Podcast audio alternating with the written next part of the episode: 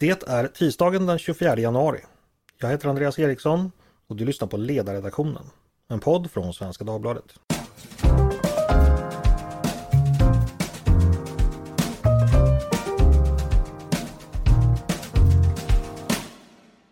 Varmt välkomna! Idag ska vi göra ännu ett nedslag och diskutera den svenska NATO-ansökan. Det har knappt gått en vecka sedan sist men det händer ju ständigt nya saker som verkar förändra spelplanen. Relationerna mellan Turkiet och Sverige tycks ha försämrats ytterligare och det påverkar förstås hur ansökan går. Ni vet ju ungefär vad som har hänt, en kort repetition bara. Eh, för snart två veckor sedan så hade vi ju den här dockan som hängde utanför stadshuset som föreställde president Erdogan. Och i helgen så eh, fick Rasmus Paludan, den eh, danska politikern kallar han väl sig, eh, mycket uppmärksamhet efter en manifestation i Stockholm där han bränt Koranen utanför Turkiets ambassad. Igår måndag meddelade president Erdogan att Sverige, som han sa då, inte kan räkna med turkiskt stöd eh, när det gäller den här ansökan. Så det finns alltså en hel del att prata om. Vad betyder det här? Eh, hur allvarligt ska man ta på den senaste utvecklingen och vad sker framöver? Med mig för att försöka reda ut det här har jag två gamla bekanta röster för lyssnarna. Nämligen Paul Levin och Olof Ehrenkrona. Varmt välkomna båda två. Tackar, tackar. Tackar. Eh, Paul, du är då som tidigare föreståndare för Institutet för Turkietstudier vid Stockholms universitet. Och Olof, du är ju den utrikespolitiska axeln som ledarredaktionen ständigt lutar sig mot. Eh, jag tänkte börja med dig Paul, med Erdogans uttalanden, så det, uttalande igår som väl är det som har eh, fått mest uppmärksamhet på sistone. Att Sverige inte kan räkna med Turkiets stöd. Eh, vad, vad, menar han med det? Hur, hur, ska vi, hur ska vi tolka det, tycker du? Um, alltså jag lyssnade på hans uh, anförande uh, igår och uh, det var slående. Det var ganska långt. Han pratade ganska länge om de här koranbränningarna och han var också ganska påtagligt arg, upprörd. Um, man vet ju förstås aldrig med politiker vad som är spel för gallerierna och så vidare, men eh, han verkade, tycker jag, märkbart eh, arg. Så jag tror att man ska, man, man ska ta det här uttalandet på ganska stort allvar, måste jag säga. Paul, kan du bara, eh, om, om det går att göra kortsiktigt, alltså i, i, i, i samtida turkisk politisk kontext så att säga, att, att bränna en koran, så där, vad ger det, vad väcker det för känslor? Hur, hur, hur hur stort är det helt enkelt? Hur, hur, hur arga blir folk? Ja, det har ju vi sett prov på tidigare, inte bara i Turkiet, eh, med, med, med koranbränningar och Muhammedkarikatyrer och så vidare. Alltså I islam så är sådana här symboler ganska viktiga. Eh, Turkiet är också ett, ett, ett land där eh, det inte bara i Sverige så att säga, det finns eh, kulturkrig. Eh, utan eh, symbolfrågor är väldigt viktiga. Alltså, sällan ser man större flaggor till exempel än, vad man kan se i Turkiet. Och om man skulle liksom i Turkiet bränna en turkisk flagga då, då blir man nästan omedelbart lynchad. Eh, och, och, koranbränning ses som eh, ett, ett väl, en väldig kränkning så att säga av, eh, eh, av, av alla muslimer i, i princip. kan man säga. Sen är väl inte alla som är lika upprörda i Turkiet. Det finns ju liksom allt från väldigt sekulära till eh, mer islamistiska grupper och det är främst de mer konservativa religiösa grupperna som driver det här. Ehm, och sen är det också förstås så att det piskas på en del uppifrån. Och en del av de här protesterna verkar ha varit organiserade också. Mm. Olof, eh, när du hörde Erdogan igår och läste vad, vad han sa, vad är din reaktion? Hur, hur tolkar du det, hans besked? Eh, nej, jag, jag, tycker det var väl precis vad man kunde förvänta sig. Eh, och eh, det här är ju eh, det här är ju den reaktionen också som vi har sett i samband med eh, Jyllandsposten och, eh, och, och på Vilks eh, rondellhundarna. Så att det här är, symboler betyder någonting i Turkiet. Det är ett helt korrekt påpekande det här med den turkiska flaggan och det ser man direkt när man landar på, på flygplatsen i Istanbul och Ankara. Det är jättestora flaggor. Så att det, eh, jag hade förväntat mig den här reaktionen eh, och man ska vara klar för sig att den, eh, ha klart för sig att den gäller inte bara i Turkiet utan det gäller hela den muslimska världen. Att, att, att bränna Koranen är ett väldigt allvarligt uttryck för, för hat, mm. Eh, ska jag säga. Eh, och vi ska också vara på det klara med att vi har inte vi har inte stöd i, i det övriga väst när det gäller att demonstrera genom att bränna böcker och bränna heliga skrifter. Det, det, det här är en starkt känslig fråga också i ett land som Tyskland. Eh, så att eh, vi kan inte räkna med att ha, ha, ha support för den typen av manifestationer gentemot eh, gentemot eh, Erdogan eller, eller Turkiet mm. någonstans. Och när svenska politiker som exempelvis eh, statsministerns eh, Twitterkonto eller och även utrikesministern har väl satt liknande att eh, i Sverige så har vi en långtgående yttrandefrihet som gör att eh, vi, ja, så, så, sådana här eh, manifestationer så säga, kan ingå i det. Paul, vilket intryck gör det i en turkisk kontext? Köper man det argumentet? Alltså jag har också försökt förklara, förklara det, att det är en skillnad på vad som är tillåtet enligt lagen och vad som så att säga är understött eller representerar någon officiell ståndpunkt eller ens vad, vad de flesta tycker om. Eh, alltså, på sociala medier har jag försökt förklara detta och det, jag får ganska lite gehör från mina turkiska följare. Eh, vissa förstår detta förstås, eh, men, eh, men eh, för många, många är skeptiska mot detta. Ehm, och eh, sen, jag skulle verkligen vilja understryka förstås också att Turkiet går mot val. Erdogan har eh, en, en, svår ekonomisk situation eh, och det finns ett behov, han har ett behov att vända blicken så att säga bort från de här problemen och prata om något annat. Och då är det många observatörer som har ja, mer eller mindre förutspått att det kommer att dyka upp sådana här internationella konflikter just därför att det funkar ganska bra hemma. Eh, så jag tror att det, man ska också, det finns en, både en genuin ilska och dimension av detta och så finns det också den här instrumentella eh, pragmatiskt politiska dimensionen. Vi ska återkomma till den och till valet alldeles strax. Jag ska bara stämma av med Olle här. Say hello to a new era of mental health care. Cerebral is here to help you achieve your mental wellness goals with professional therapy and medication management support. 100% online. You'll experience the all new Cerebral Way, an innovative approach to mental wellness designed around you. You'll get a personalized treatment plan from a therapist, prescriber, or both in a safe and judgment free space. Your cerebral therapist or prescriber will outline a customized plan with clear milestones along the way so you can get to feeling your best. With Cerebral, you're not alone in your mental health journey. We're here to empower you to live a fulfilling life.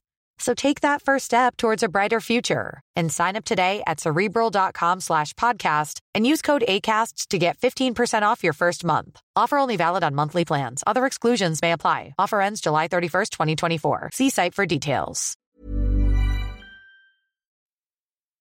Det, dels vårt försvar då att det här handlar om yttrandefrihet och att eh, som, som Paul säger det innebär inte att man stödjer det. Och att också att Paludan i en svensk kontext är ju en ytterligt eh, perifer figur som, som inte Ja, han har väl egentligen inget stöd alls kan man ganska tryggt säga.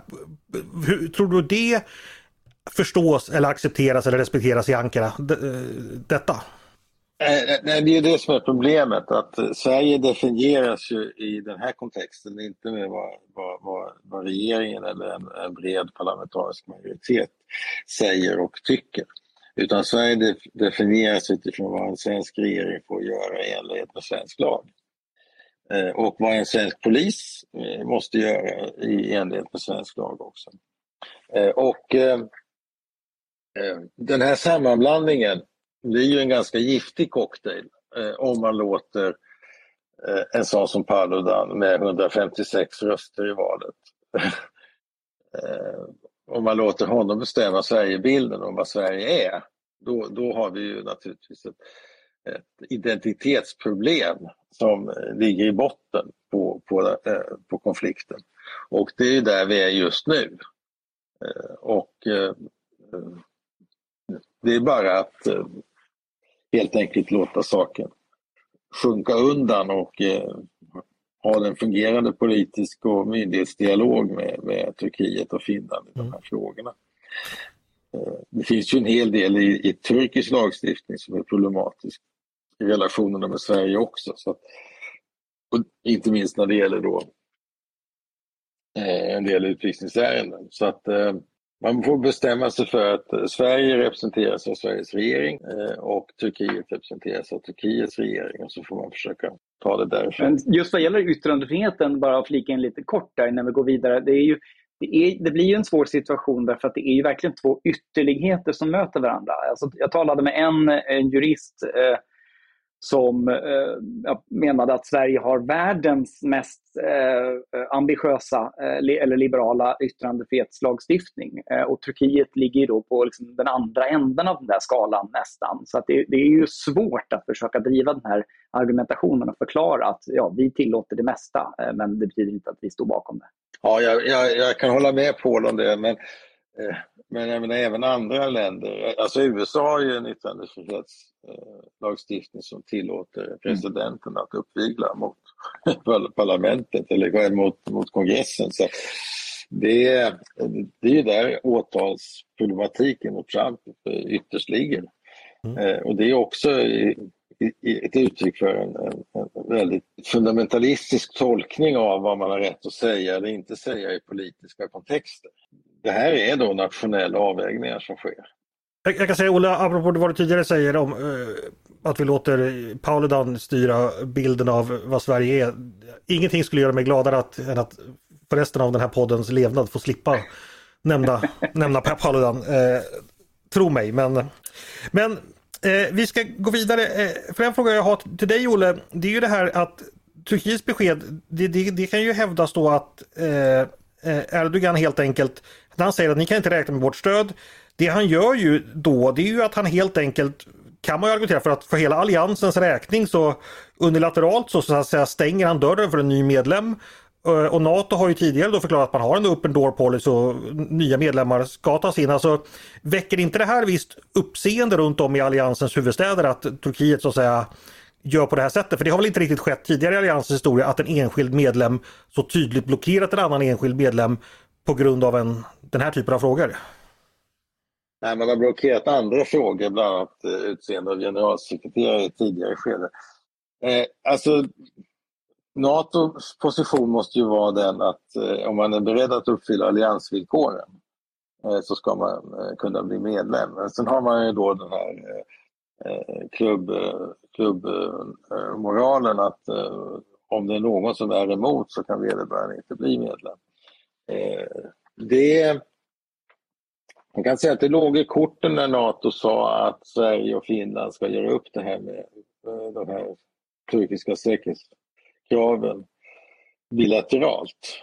Eh, och då gjorde ju, satt ju Sverige och Finland så det med Turkiet och pratade och vi kom fram till ett avtal då tillsammans som, som man slöt.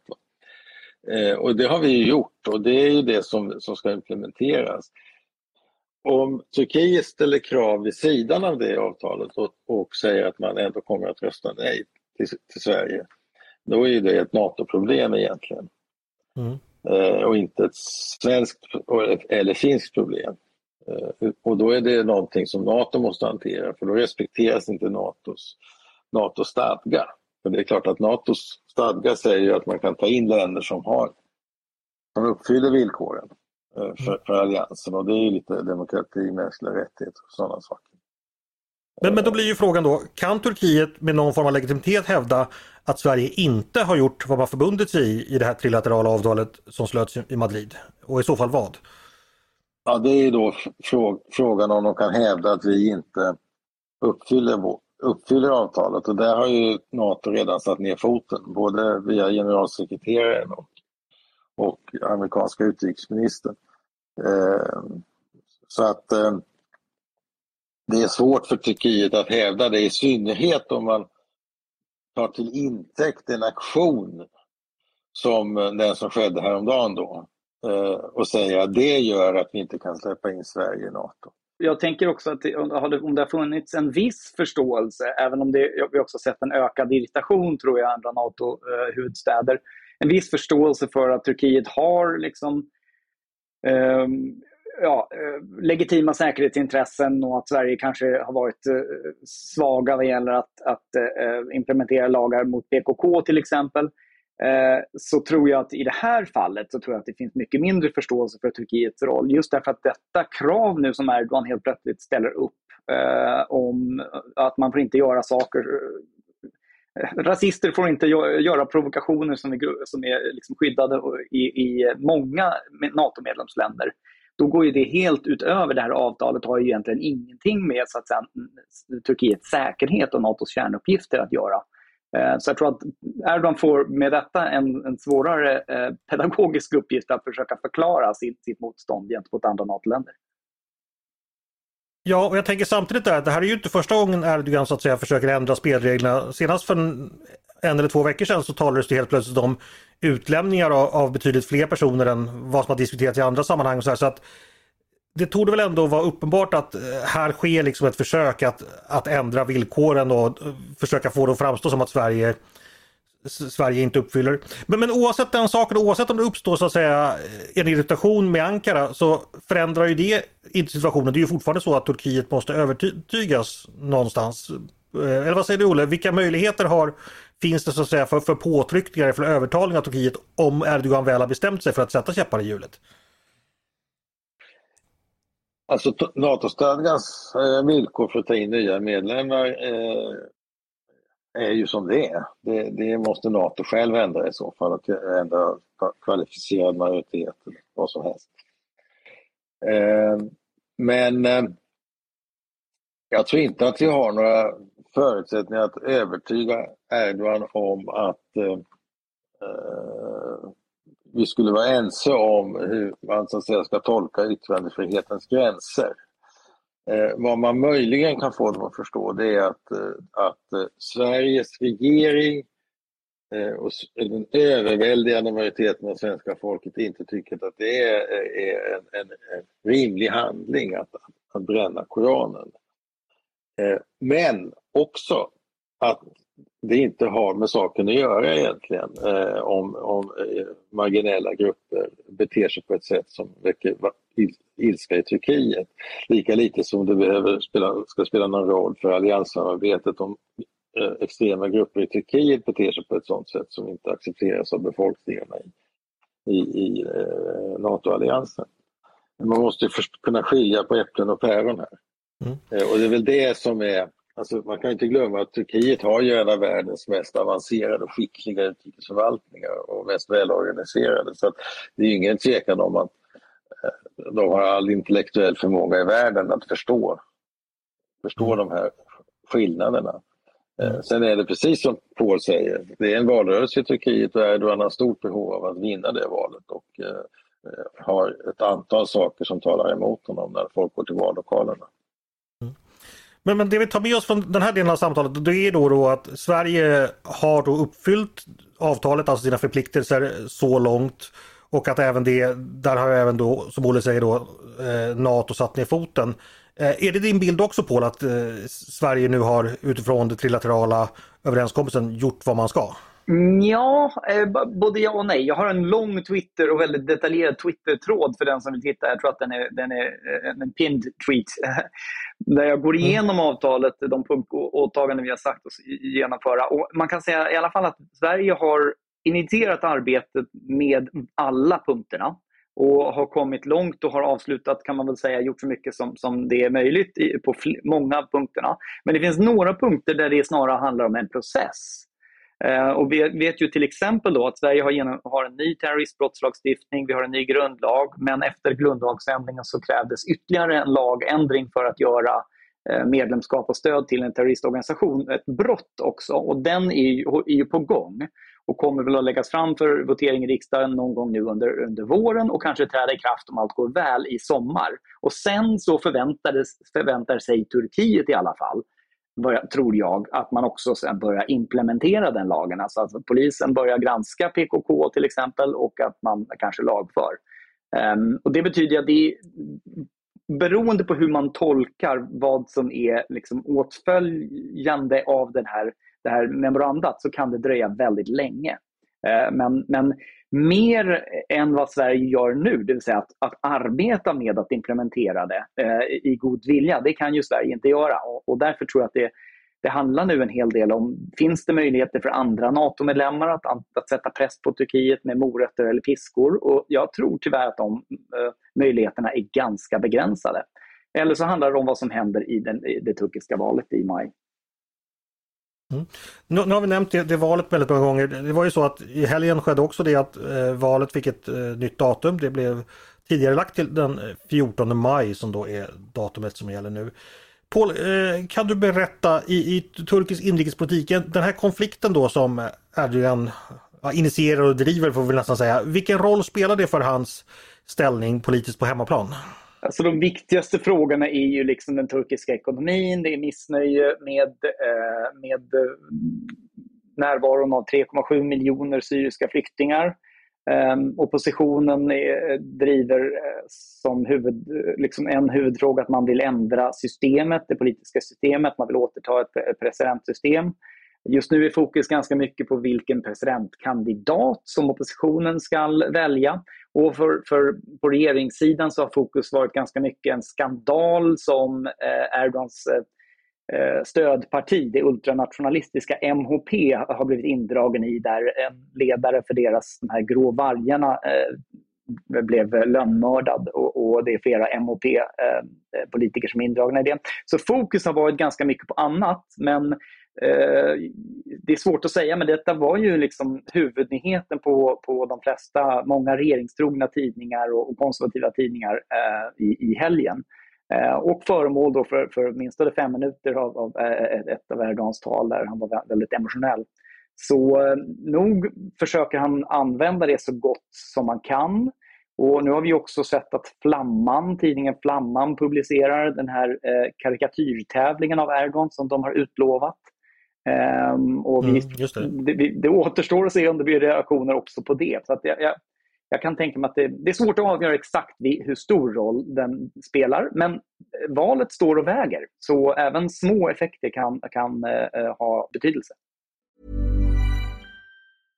Hej, jag Ryan Reynolds. På Mint Mobile, we like to do the opposite of what Big Wireless does. They charge you a lot, we charge you a little. So naturally, when they announced they'd be raising their prices due to inflation, we decided to deflate our prices due to not hating you. That's right. We're cutting the price of Mint Unlimited from $30 a month to just $15 a month. Give it a try at mintmobile.com slash switch. $45 up front for three months plus taxes and fees. Promo for new customers for limited time. Unlimited more than 40 gigabytes per month. Slows. Full terms at mintmobile.com.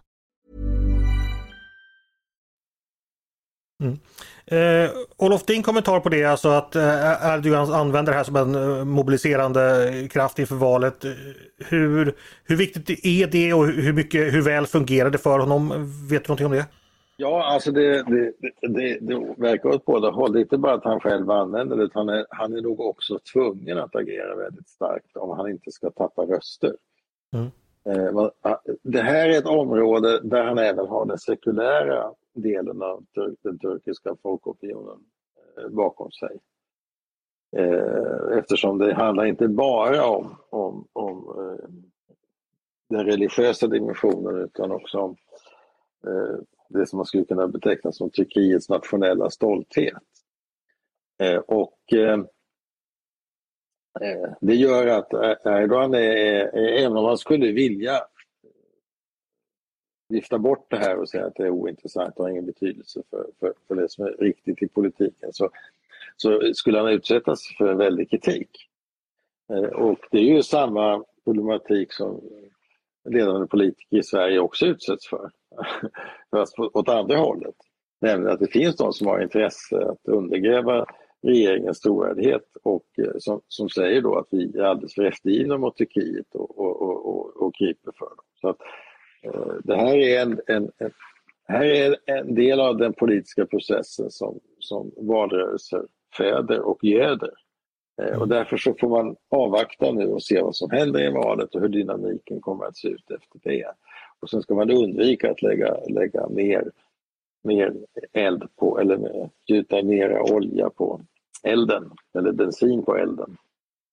Man ska gjuta olja på vågorna tror jag och undvika bensin på, på elden. Eh, Paul, hur går det då för, för Erdogan i valet? Hur ser det ut i opinionsmätningarna?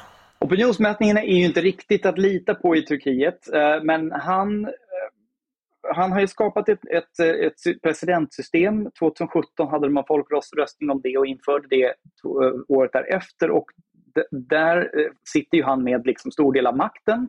Eh, men det har en del oanade konsekvenser, i alla fall saker som han inte hade tänkt igenom. Det ena är att han sitter också då med ansvaret när saker inte går väl. Så han sitter med det politiska ansvaret för flyktingfrågan och för eh, ekonomin. Och dessutom, ännu värre för honom är att det, systemet är, innebär att han nu inte kan samla ihop en slags majoritet med proportionell representation och stöd av, av allianspartier i ett parlament. Utan han måste eh, lyckas vinna 50 eh, eh, i, i presidentvalet. Lyckas han inte det i första omgången så då möter han en, en kandidat i en andra omgång där den samlade oppositionen kan liksom enas bakom honom. Den kandidaten. Och det är väldigt tufft för honom. Hans stödparti har haft det svårt i opinionsmätningarna. De är nere på 7 procent. Eh, och han själv kom, har inte kommit upp till, 50 procent eh, i, i eh, opinionsmätningar kring liksom presidentvalet eh, på ganska många år.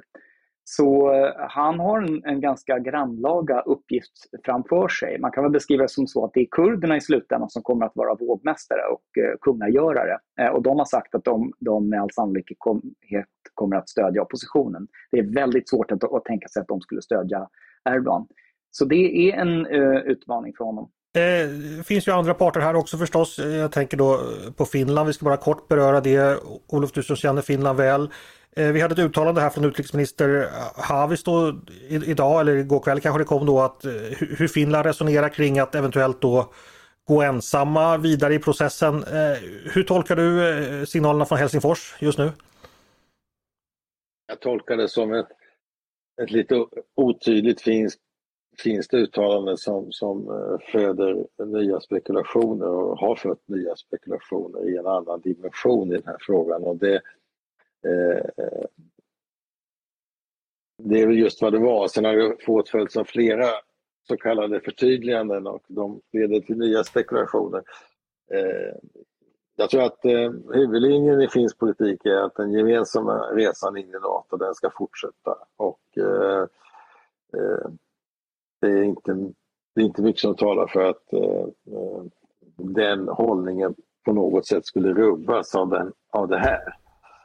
Eh, utan det var, är väl mer det att Finland har legat väldigt lågt i den här diskussionen tidigare och så plötsligt så säger någon någonting och då, då blir det omedelbart tolkningar i olika riktningar. Mm. Eh, Okej, okay, vi ska försöka sy ihop det här då eh, och vi tänker då på, på svenskt agerande framöver eh, och tänker vilken linje som bör följas. Eh, Paul, vad, vad tror och tycker du ska ske i det svenska agerandet för att det här ska vara så, så att säga konstruktivt som möjligt och att målet med NATO-medlemskap ska uppnås? Ja, om, om, vi utgår från att det då är målet så eh, det ska man väl eh, erkänna att det är en svår situation. Och regeringen går i en balansgång mellan en inhemsk opinion som är, som är, där de ofta får stark kritik för att de så att säga, är gör för många eftergifter mot Turkiet och är försiktiga och en eh, turkisk ledare som, eh, ja, där, där det finns en risk att om man går i polemik så eh, blir det bara värre. Eh, så jag tror att nu framöver så tror jag att man ska ha många konsultationer med andra eh, NATO-medlemmar. Kanske ska man prata med Nederländernas Mark Rutte hur han gjorde 2017. Eh, för han och Erdogan hade ett liknande eh, väldigt högt profilerat gräl inför Eh, ett val i Nederländerna och en folkomröstning i Turkiet. Eh, det var hårda ord, men sen så blev de vänner igen efter valet. Eh, så man kan ju kolla med honom hur han gjorde. Men risken är att det här är ett, ett, en djupare spricka som, som inte bara handlar om några uttalanden utan liksom mer djupliggande problem. Jag tror att man ska ligga lite lågt i tal som man nu verkar göra. Sen utgår jag från att, att kontakter bakom kulisserna fortsätter. Jag, jag, tror dock inte att det är några nya eh, liksom delegationsresor inplanerade vad jag vet. Eh, men eh, man får väl i princip, tror jag, hoppas att eh, eh, saker och ting lättar efter valet. Antingen för att det blir en oppositionsseger, så konstigt som den låter så är det en möjlighet, eller för eh, att eh, Erdogan finner det eh, ja, in, inte lika politiskt eh, angeläget att ha den här konflikten efter valet. Men som sagt, jag tror att man behöver också hjälp, kanske från länder som Storbritannien som har mycket goda relationer med, med eh, Turkiet. Och i slutändan, i förlängningen, eh, om man bara får flika in det, så kanske man också, om det är så att det här håller i sig, för lyssnar man på Erdogan så fick jag inte någon känsla av att han eh, i, i, i, eh, i närtid kommer att ändra sig. Eh, då kanske man bör, bör, måste börja tänka om alternativ. Det tror jag inte regeringen öppet vill erkänna, men eh, men den möjligheten finns där. Mm. Vad skulle det vara för alternativ i så fall? Alltså, då får man nästan fråga, det, det bör du ställa till en NATO-expert. Men eh, mm. vi har ju redan bilaterala avtal med Storbritannien, Nederländerna, USA och andra eh, om säkerhetsförsäkringar, eh, om inte garantier. Eh, och om det är så att Turkiet fortsätter att envisas med att säga nej till Sverige och Finland, eller bara Sverige om Finland så småningom kanske ändå väljer att, att eh, gå in själv, Eh, kanske måste man hitta någon slags eh, annan lösning på något sätt eh, fram till dess att, att medlem, fullt medlemskap blir möjligt. Mm. Eh, Olle, då får du avsluta. Vad, vad tycker du Sverige? Hur, hur ska regeringen agera framöver? Eh, jag tycker den ska eh, avvakta valresultatet i, i Turkiet Eh, Eh, och sen så ska man under, under tiden göra det som man kan göra för att implementera avtalet. Det handlar ju om ensidiga svenska åtgärder som att den riksdagshantering som, som Paul talade om tidigare. Men det handlar ju också om eh, den dialog som finns på myndighetsnivå kring konkreta problem som handlar om de här eh, terroristbekämpningen. Eh, och där kan man också eh, fortsätta fortsätta dialogen. Vi ska, inte minst inför alla eh, våra vänner i Nato som vill att vi ska gå med, så ska vi visa eh, att vi implementerar avtalet eh, i in good faith, som det brukar heta. Och sen så får ju alla andra som deltar i debatten agera på det sätt som de finner, finner rimligt i förhållande till sin egen övertygelse och Sveriges intressen. Eh, jag tycker inte att eh, man har anledning att, att eh, hålla dem om ryggen som medvetet vill sabotera den svenska NATO-ansökan genom att provocera fram väldigt fientliga reaktioner i Turkiet. Och det tycker jag, det, det, varje ansvarsfull svensk måste naturligtvis tänka på det. Och det gäller både i, i politiska sammanhang och i andra sammanhang. Mm. Eh, sen får vi väl, eh, och vi ska vara medvetna om att den som så att säga stödjer koranbränning ställer sig utanför den västerländska ideologiska gemenskapen som den ser ut just nu. Så är det bara. Allvarstid kräver ansvar och eh, samhällskänsla, är det väl? eller samhällsanda tror jag, tror jag det lät en gång i tiden. Stort tack för att ni var med och diskuterade med mig idag. Olof Elenkrona från eh, redaktionen och Paul Levin från Stockholms universitet. Varmt tack båda två! Tackar, tackar! Tack, tack! Tack till er som har lyssnat också på Ledarredaktionen, en podd från Svenska Dagbladet. Ni är varmt välkomna att höra av er till redaktionen med tankar och synpunkter på det vi precis har diskuterat. Eller om ni har idéer och förslag på det vi ska ta upp i framtiden. Maila då bara oss på ledarsidan snabla svd.se. Dagens producent, han heter Jesper Sandström. Jag heter Andreas Eriksson och jag hoppas att vi hörs igen snart.